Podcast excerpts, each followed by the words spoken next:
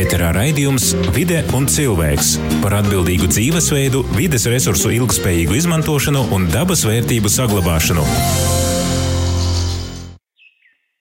Sveicināti radio FA, divu krastu radio i radio Marija Latvija klausētoji. Ar jums kopā esmu Astenis Bikovskis, izskaņojumu sots vidas aizsardzības fonda atbalstātīs raidījumu ciklus Vide i cilvēks. I šodien turpinājot jau iepriekšējos raidījumus aizsāktu tēmu, runāšu par atkritumiem. Skaidrošu, kāds tad ir populārākais īpakojumu veids, vai uzņēmēji portikas produktus īpakoja dabai draudzīgos īpakojumus, kā arī ko dara pašvaldības, lai samazinātu atkritumu daudzumu. Tāpat mēģināšu noskaidrot, no ko veidojās izmaksas atkrituma apsaimniekotojiem, un kā iedzīvotāji varētu samazināt savus izmaksas par atkritumu savokšanu. Ēterā raidījums Vide un cilvēks par atbildīgu dzīvesveidu, vides resursu ilgspējīgu izmantošanu un dabas vērtību saglabāšanu. Runāt par populārāko iepakojumu veidu, tas ir diezgan plašs temats stosta Latvijas īpakojumu asociācijas valdes priekšsādātoja, ir pasaules īpakojumu organizācijas valdes locekļa Iveta Krauja. Pirmkārt, um, ja mēs runājam par pārtiks produktu iepakošanu, tad uh, šo iepakojumu veidu nosaka pārtiks produkta būtība. Vai tas ir šķidrs, vai tas ir pastveidīgs, vai tas ir gabala vai birstošs produkts. Un, uh, līdz ar to katrs no ražotājiem, kas ražo vienu vai otru pārtiks produktu, izvēlas savam produktam atbilstošu iepakojumu veidu. Vai tās ir pudeles, vai stikla burkas, vai kartona pakas, vai kartona kārbas vai maisiņi uh, no dažādiem polimēra materiāliem. Jo ražojot konkrētu produktu, ir nepieciešams šo produktu ne tikai kvalitatīvi sarežot, bet arī nodrošināt tā saglabāšanu garāku vai īsāku termiņu šajā iepakojumā, kā arī pārvadāšanu un tirzniecību tirzniecības vietā. Tā kā runāt par vienu vai otru konkrētu iepakojuma veidu kā dominējošu būtu diezgan grūti. To daudzveidību nosaka produktu daudzveidība. Bet, ja mēs runājam par šiem pārtikas iepakojumiem, sakiet, lūdzu, vai Latvijā uzņēmēji pārsvarā lieto dabai draudzīgus vai tomēr nedraudzīgus iepakojumus? Iepakojuma galvenais uzdevums ir būt funkcionālam. Mēs negribam neviens, lai, piemēram, piens lītu ārā no iepakojuma, mm, kurā tas ir ieliets, vai krējuma trauciņam neaizvērtos vāciņš, kamēr atnesam mājās krējums ir izlīs somā, vai arī nu, birstoši produkti, piemēram, milti vai, vai makaroni vai rīsi nu, nebūtu saturēti. Līdz ar to ražotājs var izvēlēties, kā jau es teicu, pirmkārt atbilstoši produkta būtībai, otrām kārtām atbilstoši tam, kādas ražošanas iekārtas ir viņu rīcībā. Vai tās ir lielākas, mazākas, jaudīgākas, mazāk jaudīgas, kāda veida materiāls un kāda veida iepakojuma formas dēļ šīs iekārtas, nu, teiksim, piepildīt ar attiecīgo produktu, ko ražotājs ražo. Un Latvijā ir tāda diezgan duāla situācija, ka mums ir daļa pārtiks produktu ražotāji, kas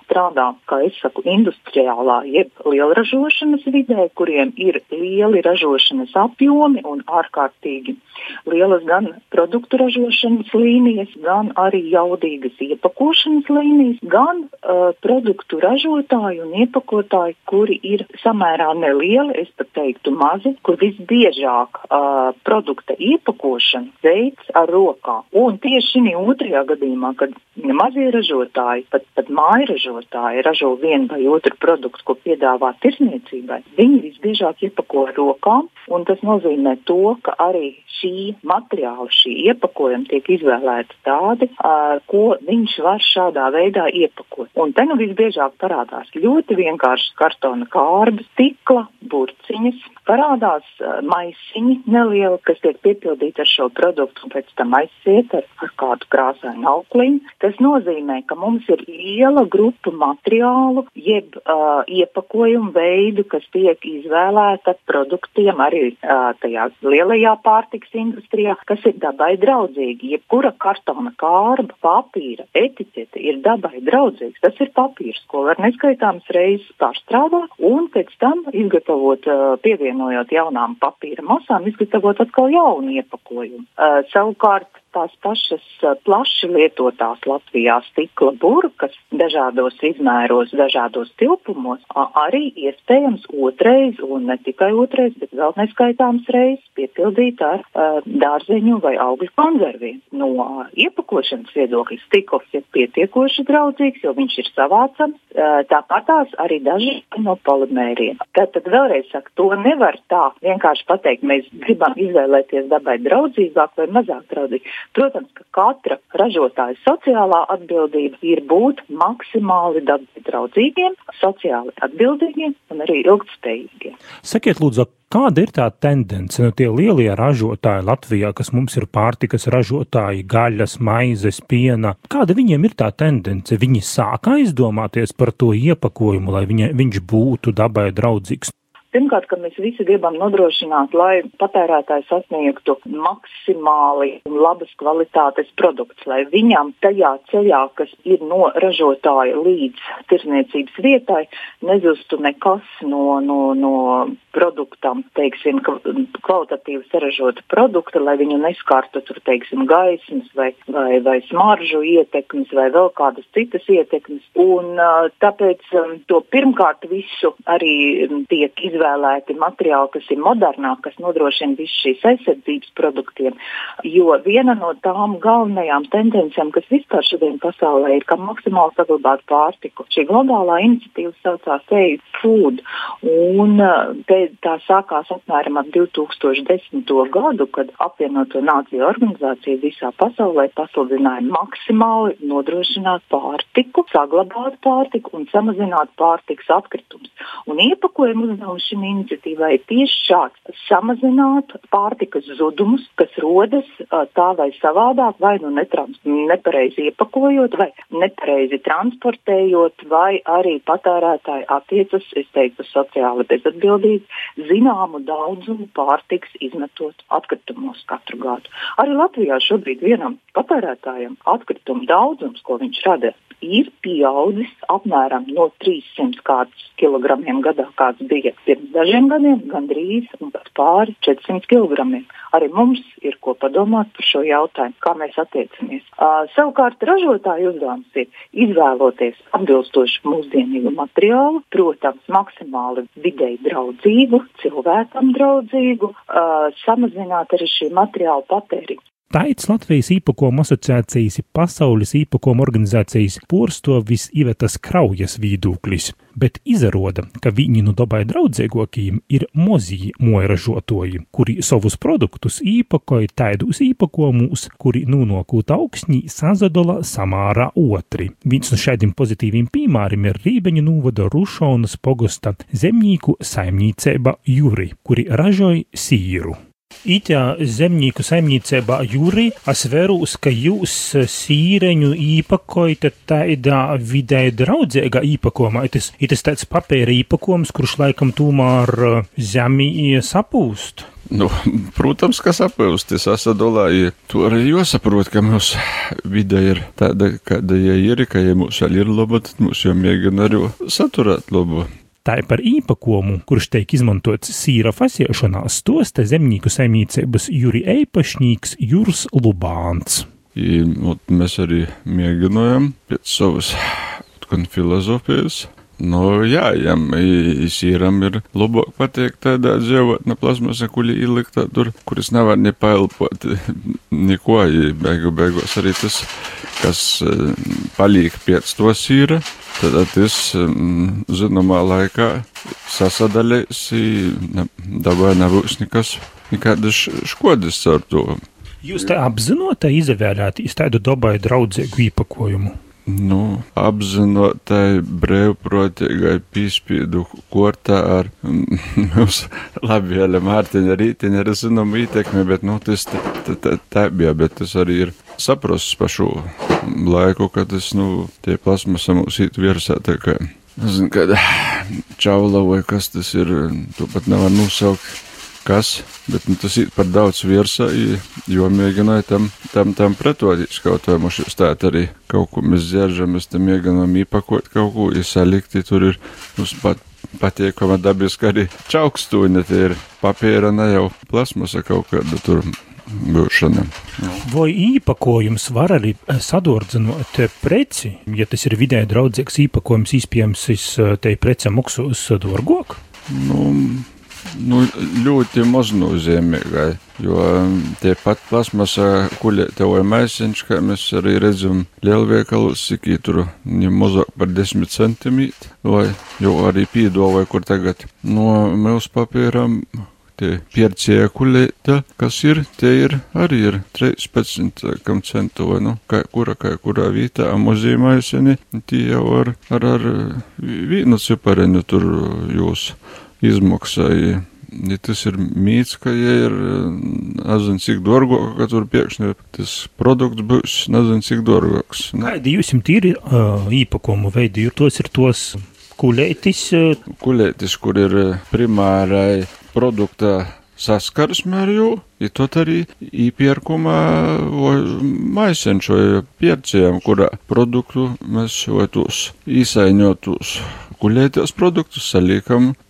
maiseņā. Faktiski jūs ite īsaiņojot sīreņus, tūs polietilēna maiseņus izmantojat tā minimāli.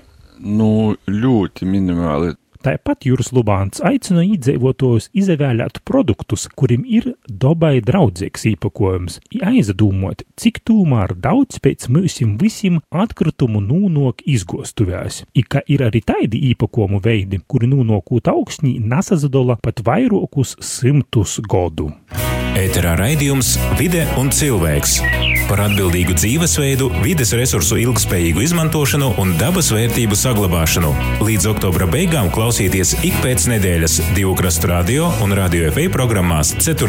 16.30 ar atkārtojumu sestdienās 15. un radio Marija Latvija programmā 2. 17.30 ar atkārtojumu sestdienās 13. Raidījumu finansiāli atbalsta Latvijas vides aizsardzības fonds lai samazinātu dzierīņu pudeļu i buņģeņu, kuras ir iespējams otrreizēji porstrodot nūnokšanu atkritumus i dobā, šobrīd notiek aktīvas diskusijas par depozīta sistēmas īvīšanu. Vairāk par itū jautājumu stosta vidas aizsardzības i reģionālos attīstības ministrijas vidas aizsardzības departamenta direktore Rudīte Vesere. Depozīta sistēma dzērienu iepakojumam būtībā paredz to, ka um, mēs ejot uz veikalu un pērkot uh, noteikti dzērienus noteikti veida iepakojumā, tātad runa ir par stikla pudelēm, par uh, plasmas jeb pet pudelēm un par tā saucamajām skārdenēm jeb metāla buņģiņām, uh, samaksās, uh, samaksājam noteiktu summu, kas ir fiksēta un noteikti visā valstī vienāda, un tajā brīdī, kad šis te iepakojums kļūst tukšs, mēs esam izdzēruši savu minerālu ūdeni vai sulu vai kas nu tur bijis iepildīts, nesam viņu nodot atpakaļ un saņemam šo savu samaksāto summu atpakaļ. Tātad sākotnēji mums ir jāsamaksā un pēc tam mēs viņu varam dabūt atpakaļ. Šī te ir tā sistēmas būtība un tādā veidā tiek veicināts, lai tiešām, nu, um, šādi dzērienu iepakojumi nebūtu ne ceļmalās, ne upmalās, ne mežos un visādās citādās ne, absolūti nepiemērotās vietās. Bet šī depozīta sistēma šobrīd nedarbojas. Kāda ir tā stadija, kas šobrīd notiek? Jā, tā tad attiecīgi jāatzīst šis process, protams, Latvijai jau diezgan garš bijis, lai nonāktu līdz depozīta sistēmai. Jā, tā tad arī jāatzīmē, ka pagājušā gadā, pamatoties uz iedzīvotāju iniciatīvu, saimā tika arī pieņems lēmums, ka ir jāizvērtē, vajag mums to depozīta sistēmu vai nevajag. Un rezultātā vidas aizsardzības un reģionālās attīstības ministrija ir sagatavojusi um, gan informatīvo ziņojumu par šo visu, un tālāk arī dzen sagatavojusi jau likuma projekts, kas paredz šādas depozīta sistēmas izveidu un piemērošanu arī Latvijā no 2020. gada janvāra. Likuma projekti ir izstrādāti, viņi ir apspriesti ar dažādām ieinteresētajām pusēm, gan ar ministrijām, gan ar, ar tiem, kas būs iesaistīti šai sistēmā. Un šobrīd šie likuma projekti ir iesniegti valdībā. Valdībai tālāk ir jāpieņem lēmums un jālemj par tālāko šo likumu virzību. Tad um, vienkārši jāgaida un jāskatās, vai tas um, tiks iedzīvināts vai tomēr tiks uh, politiski nobremzēts. Nu, tā tad mēs virzam šos likumprojektus uz priekšu un tālāk uh, no valdības būs atkarīgs galīgais lēmums tu vai Latvijā tiks īdabunota itēji depozīta sistēma parodās politiski lāmumi i laiks, bet nazaverot iz itū, īdzīvotojiem pošiem pēc īspējas aktīvok ir jozaceņš škirot atkritumus i dūmot par apritis ekonomiku. Tomēr tū, kāds ir īdzīvotu izglītības līmenis, itamā atkrituma škirošanas jautājumā, devūs skaidrot pie Austrum Latgulas atkrituma apsaimniekošanas sabiedrības izpildu direktora Jurija Petkeviča. Pitkevičs kungs, sakiet lūdzu, kā ir ar iedzīvotājiem? Vispār iedzīvotāji saprot to, ka var ieekonomēt šķirojot atkritumus un, un, un palīdzēt arī risināt vides problēmas? Man tiešām ir prieks ar to, ka mums ir vairākas tikšanas ar iedzīvotājiem, kur mēs stāstām par, par iespējām šķirot, par to pareizību, kā to darīt, kā tas pareizi organizējas un ko var izdarīt iedzīvotājs, lai šķirot pie sevis vai atrast tuvāko punktu, kur var nodot šķirots materiāls. Un tiešām uz doto brīdi, pēc katras tikšanas reizes, man ir prieks par to, ka katrs saprot vienu, jo, jo vairāk mēs šķirojam un atdalām no nešķirotas masas šķiroto materiālu, kur var pāršķirot, jo mazāk mums faktiski ir jāmaksā. Tas izpausmas sekojuši veidi, jo dažreiz man pārmet uh, ar to, ka nu, mēs šķirojam, bet par, par to mums neviens arī nemaksā. Realitāte ir nedaudz savādāka, jo jāsaprot vienu cilvēku maksā par to masu atkritumu nešķirotu, ko mēs izvedam no tā konteinera. Un, ja cilvēkam ir iespēja, ja mēs runājam par daudz dzīvokļu mājām, tad viņam ir iespēja pasūtīt to šķirotu konteineru pie sevis blakus tiem konteineriem, kas viņam ir nešķirotajai masai. Privātpersonam, jeb mājas um, iedzīvotājiem, kuriem ir privāta mājas, ir iespēja šķirot un vest to šķirotu materiālu un šķirošanas uh, savākšanas laukumiem. Tuvākais jāskatās nu, pēc, pēc katras situācijas. Un līdz ar to tas nozīmē, ka katrs no savas apjoma masas, kas ir nešķirota atkrituma, daļu izņem un aizved kā šķirotu masu. Tas daļa, ka, kas paliek nešķirota, viņa mazinās. Respektīvi, tas nozīmē to, ja ir privāta māja, kur ir savs kontinents, tur ir vienkāršāk redzēt, jo tad jūs redzēsiet, ka jums piepildīšana neies tik, tik, tik aktīvi, kā bija pirms tam. Respektīvi, tas nozīmē to, ka jūs varat vai nu pamainīt konteineru tilpumu uz mazāku, vai retāk izvest tos atkritumus, kas jums veidojas. Ja mēs runājam par daudz dzīvokļu mājām, tas nozīmē to pašu. Respektīvi, tas konteineru masa, kas ir paredzēta nešķirotam atkritumam, par kuru izvešanu jūs arī maksājat, vai nu samazinās ar to, ka fiziski viņu būs mazāk, vai nu izvēršanas intensitāte, jeb biežums, kad mēs braucam, būs arī mazāk. Līdz ar to arī tie rēķini, ko jūs saņemat kopumā, un kas dalās atkal pēc tam uz visiem tiem iedzīvotājiem, uz kuriem paredzēts tas konteiners, arī mazinās. Jo uh, ir jāsaprot arī vienu, vēlreiz gribu pasvitrot to, ka mēs savukārt darbojamies sekojuši. Uh, brauc mašīnā iztukšo konteineru, un mēs uzskaitām konteineru tilpumu par pamatu aprēķinam izvēstai masai. Ja konteiners ir pilnīgi tukšs, tad ir tukšs, tad respektīvi tad par izvēršanas masu nav jāmaksā vispār nekas. Ja viņš ir piepildīts līdz pusē, tad mēs uzskaitām puse konteineru, respektīvi tad izvēršanas konteineram ciparam jābūt tikai pusē. Un, ja viņš aizpildīts, kas saka, nu, no puses līdz, līdz pilnam, tad konteiners ir pilni piepildīts, un par to arī jāmaksā to atbilstošu maksu. Plus, protams, nevajag aizmirst par to, ja ir sakrauts blakus arī papildus masas apjoms, tas arī būs aprēķināts un pielikt klāt pie kopējas masas, kas, kas būs izvesta no konkrētas adreses. Un tas arī veido kopēju rēķinu, par kuru ir jāmaksā iedzīvotājiem. Jo vairāk mēs atšķirojam šķirot materiālu, kur var atšķirot un izmest. Pie tam nevajag aizmirst par to, ka, ja mēs runājam par šķirošanas materiālu, ka, kas ir pēc pudeles, stikla burkas, stikla pudeles, viņi pats par sevi aizņem pietiekoši lielu apjomu. Respektīvi, divlitrīga pudele no, no kvasa vai minerāla ūdens, ja mēs viņu izdarām, nerunājot par pieslitrīgu, ir ne, katru reizi ne tik vienkārši varbūt viņu salocīt maksimāli maza stāvokļa, viņi aizņem kaut kādu vietu. Jo mēs viņu izmetam pie šķirošanas konteineram, tur nav svarīgi, cik viņi aizņem vietas, bet reāli viņa paņem nost, jeb samazinātu apjomu, kas, kas ir nešķirota konteinera. Un līdz ar to arī saku, vēlreiz, tie, tas mājas, kuras šķiro atkritumus, viņi reāli redz to kopējo samazinājumu uz, uz katru cilvēku, kas, kas ir katru mēnesi, ko viņi saņem caur rēķinu. Arī pašvaldības pēdējos gadu laikā ir bijušas aktīvas, lai iedzīvotājus radinotu šķirot atkritumus par piemēru pēc teritorijas lielākajā Latvijas pašvaldībā Riezekņas novadā. Pašvaldība katrā pogosta porvaldī ir izveidojusi sadzēves atkritumu daļētos savokšanas punktus, slēgta tipa šķirošanas konteinerus. Vairāk stosta Riezekņas novada vecāko vidis aizsardzības speciāliste Terēzija Kruste. Izdūtu brīdi daudzos pašvaldībos Latvijā šķieslis tieši atkritumu šķirošanai ir pieejams infrastruktūras trūkums. Mēs Rāziņas noda pašvaldība pēdējo trīs gadu laikā 24 pogustos esam izveidojuši sadzīves atkritumu daļētos savokšanas punktus. Tie ir slēgta tipa šķirošanas konteineru nūvītņa papīram, plasmasai, metālam un stiklam. Mēs dodam īdzīvotājiem īspēju šķirot. Nu, protams, lai iedzīvotāji sāktu aktīvi šķirot, ir arī jāturpina iedzīvotāju izglītošana un, sacēsim, mūsu pašvaldības apsaimniekotos SIA alas pēdējā laikā īpaši nu, nozadarbojas ar šo te iedzīvotāju izglītošanu. Ir dažādi pasaukumi gan skolniekiem, gan arī pieaugušiem, un arī, sacēsim, katram pogostam ir tūta tāda īspēja sasaukt iedzīvotājus, uzaicinot arī alasa porstovi un arī izglītoties par atkritumu šķirošanu. 24 pogustos mēs ir izveidoti 34 atkritumu šķirošanas punkti slēgta tipa. Nu, faktiski jau tie ir trīs godi, trīs godi tātad sokūtņi. Nu, mēs sokuma 15. gadā mēs tikai dažos pogustus izveidojam vienkoši, nu, namūt vārā mūsu finansiālas izpējas tikai dažos pogustus tika izveidoti.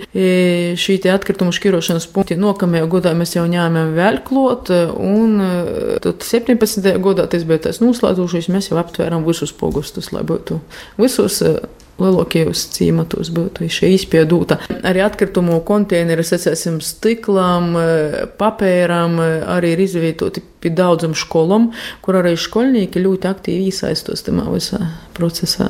Tātad šī konteineri dažādokiem atkritumiem? Jā, tas ir papēram, plasmasai, metālam un stiklam.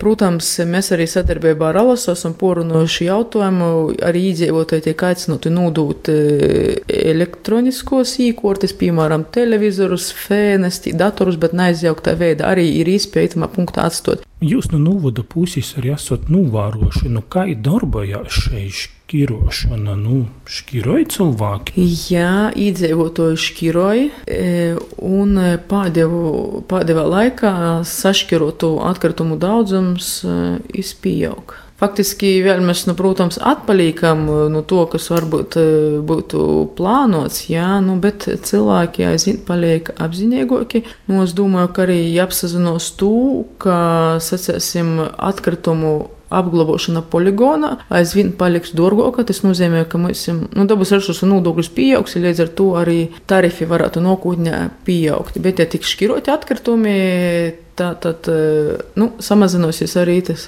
tas samies apglabājuma atkritumu daudzums. Itamā jautājumā, kādas ir tos lielāko, lielākos problēmas, ar ko jūs novadat saskaraties? Nu, bieži vien cilvēki sašķirotiem atkritumiem matīkši arī nesašķirotos. Nu, te tāda problēma ir, nu, bet mēs cenšamies īsti pie robežas. Arī pogostā ir katrai pa noteiktam cilvēkam, kas arī šo atkritumu šķirošanas punktu pīskota daudz maz. Faktiski katra valsts, arī tā skaitā Latvija un jebkura pašvaldība tagad īt uz to, ka noglabājuma atkritumu daudzums ir josamazināja, bet sašķirot un porstrodot atkritumu daudzums ir jopalielināja. Un līdz 20. gadam sašķirot atkritumu īpatsvaram, sacēsim, no pašreizējiem aptuveni 22% būtu jopalielinājis līdz 50%. Nu, protams, līdz tam, es domāju, jebkurā pašvaldībā līdz tam ir vēl diezgan tols ceļš ejams arī jostrādāju gan pie iedzīvotāju izglītošanas, nu, joroda arī tāda būtu tā saucama motivēšanas sistēma, to arī sasaistot kaut kādā veidā arī ar finansēm. Jo vairāk būs jomaksā par atkritumu noglabāšanu, jo būs lielāka motivācija iedzīvotājiem šķirot. Piemēram, cik es zinu, Vocijā mm, atkrituma apglabāšanas tarifs ir diezgan augsts un tie iedzīvotāji diezgan aktīvi šķiroja. Ēterā raidījums Vide un cilvēks par atbildīgu dzīvesveidu, vides resursu ilgspējīgu izmantošanu un dabas vērtību saglabāšanu. Tāpat arī visiem iedzīvotājiem vēlreiz aicinājumus vēl aktīvāk šķirot atkritumus, ir rūpētīs par to, lai mūsu Latvijā būtu teira i sakūpta. Raidījums vidī cilvēks šodien izskaņu. Raidījumu veidoju es, Tenis Bikovskis, bet nokušajā raidījumā stostiešu par to, ko drīkst ko nedrīkst darīt. Itamā vasaras laikā apmeklējot īpaši aizsargojamas dabas teritorijas. Ēterā raidījums Vide un cilvēks par atbildīgu dzīvesveidu, vides resursu ilgspējīgu izmantošanu un dabas vērtību saglabāšanu. Līdz oktobra beigām klausieties ik pēc nedēļas divu krastu radio un radio FA programmās 4. 16.30 ar atkārtojumu sestdienās 15. un radio Marija Latvija programmā 2. 17.30 ar atkārtojumu sestdienās 13. Raidījumu finansiāli atbalsta Latvijas vides aizsardzības fonds.